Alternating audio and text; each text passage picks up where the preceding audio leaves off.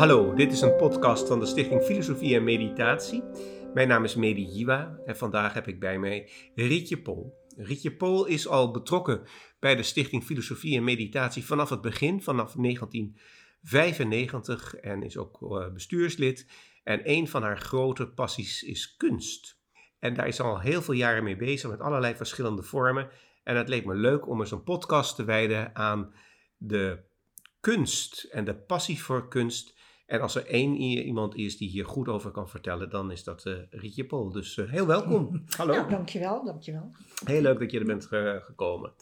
Nou, misschien kan je iets vertellen over jezelf en met name in relatie met die kunst. Want hoe is dat allemaal in je leven gekomen dan zo? Hmm. Ja, het is begonnen door mijn vader. Mijn vader is behoorlijk kunstzinnig altijd geweest. Met kunst, ja, portretten maken.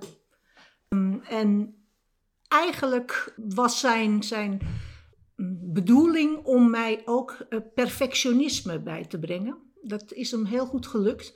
Maar wat uh, eigenlijk resulteerde in het tegendeel, want daardoor ontstond angst om mooie plaatjes te maken. Want het moest altijd mooier, het moest beter. Dus de drempel werd alleen maar steeds hoger. Dat is hij, heeft hij heel onbedoeld heeft hij dat meegegeven. Want uh, ik had iets getekend en dan liet ik het aan hem zien, vol trots. En er was altijd wel een aanmerking of een opmerking op.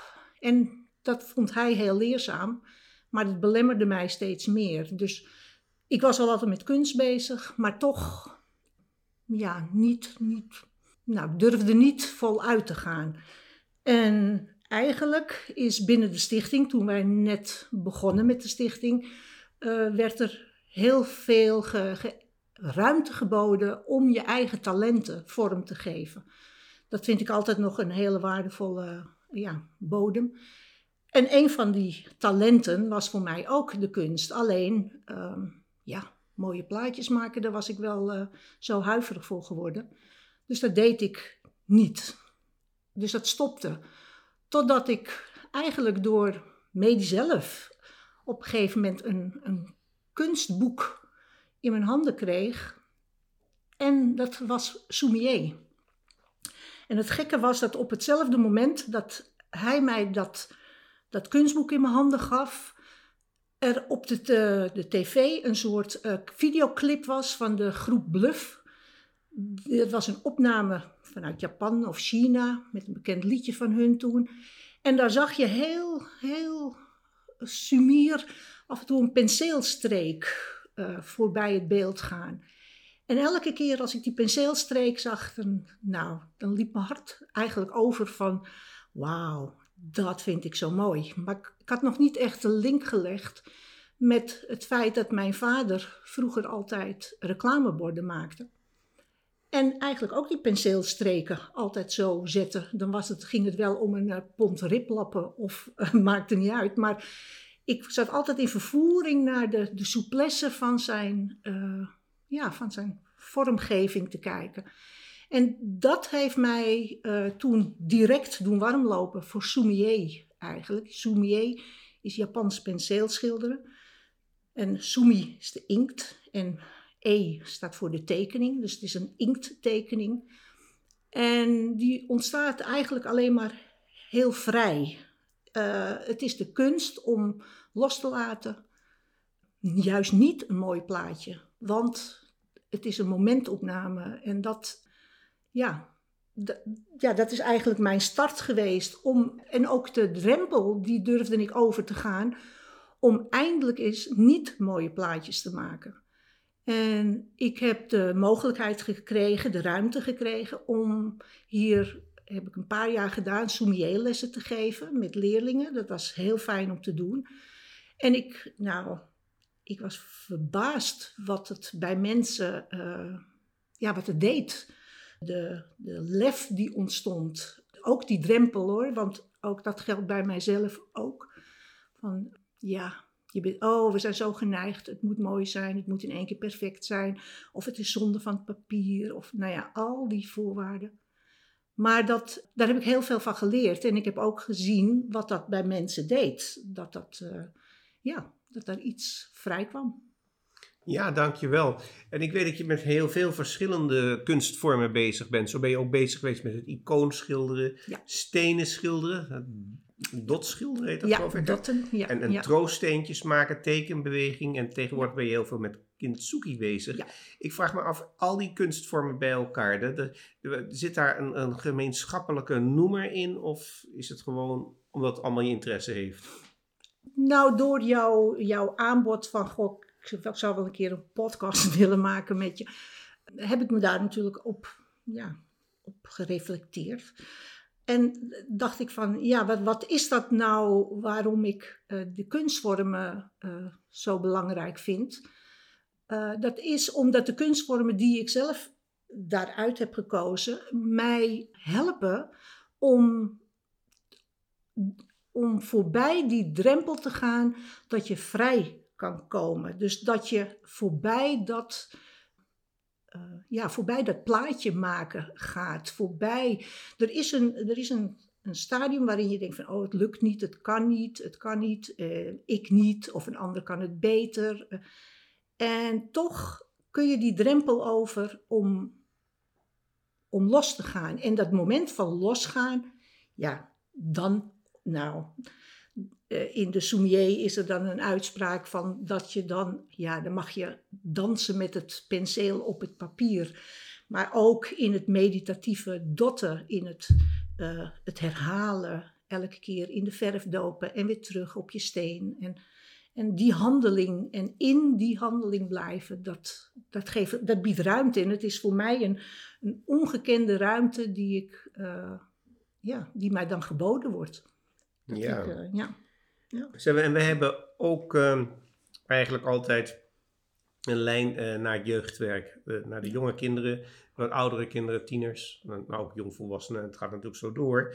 Maar ik weet ook dat je eh, altijd vol bent om deze kunstvormen, of een paar daarvan, in ieder geval aan eh, de jonge kinderen aan te bieden. En, en dan is natuurlijk de vraag, ehm, maar waarom? Want tegenwoordig eh, lijkt het er wel op of, de creatieve vakken steeds minder belangrijk zijn, ook in het onderwijs. Iedereen is bezig met beta-vakken. Je moet wiskunde doen en vooral eh, programmeren, geloof ik. Maar ja, ik weet, wij zelf zijn nogal een beetje vol eh, van het mensbeeld dat een mens een creatief wezen is, een onderzoekend wezen en een sociaal wezen. Maar hoe zie jij dat nu met die kunst en die jonge kinderen? Waarom is dat voor jou zo belangrijk?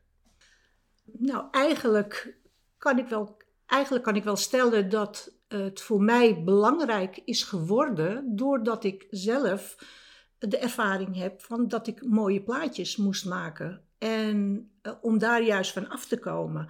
En dat dat zo zou helpen bij jongeren, kinderen, om ook dat gevoel te kunnen, dat, ja, bij dat diepere gevoel van vrijheid en, en je passie eigenlijk. En je lef en doorzettingsvermogen. Het is, ja, het is voor mij een combinatie van meerdere factoren die maken dat je, ja, dat je vrij kunt denken. Eigenlijk dat de geest op een andere. Het is net alsof er iets omgaat. En dat kan je zelf niet doen, maar wel door je aandacht te richten bij de handeling, om daarbij te blijven, dat je, ja, dat, dat kan ontstaan. En dat gun ik, omdat ik zelf nu ervaren heb, doordat mij binnen de stichting die ruimte is geboden, denk ik dat je daar ook veel eerder mee kan beginnen. Want anders blokkeert het alleen maar. En juist deze kunstvormen die ik uh, hanteer, kunnen daarbij helpen.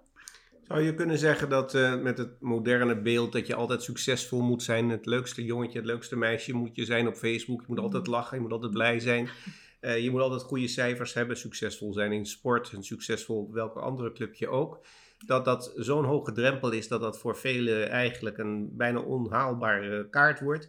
En dat die kunstvormen zoals jij ze aanbiedt, van probeer dat perfectionisme eens los te laten en probeer eens gewoon met de flow mee te gaan. Uh, en eens te kijken wat dat brengt en wat dat ervaart. Dat dat dus veel verder gaat dan alleen de kunstvorm, maar ook op een uh, ja, veel ontspannendere manier van leven. Zeg ik ja, het zo goed? Ja, zeker. Ja, je verwoordt dat heel mooi. Want dat, ja, dat is wat er, wat er kan gebeuren. Juist dat loslaten. Dat, ach, van al die, pff, al die ideeën die we hebben, hoe het moet. En ook, ook tijdens het aanreiken van, ook met kinderen, juist echt letterlijk en figuurlijk die ruimte geven. Dat ze ook nog ineens bij wijze van bij elkaar kunnen kijken.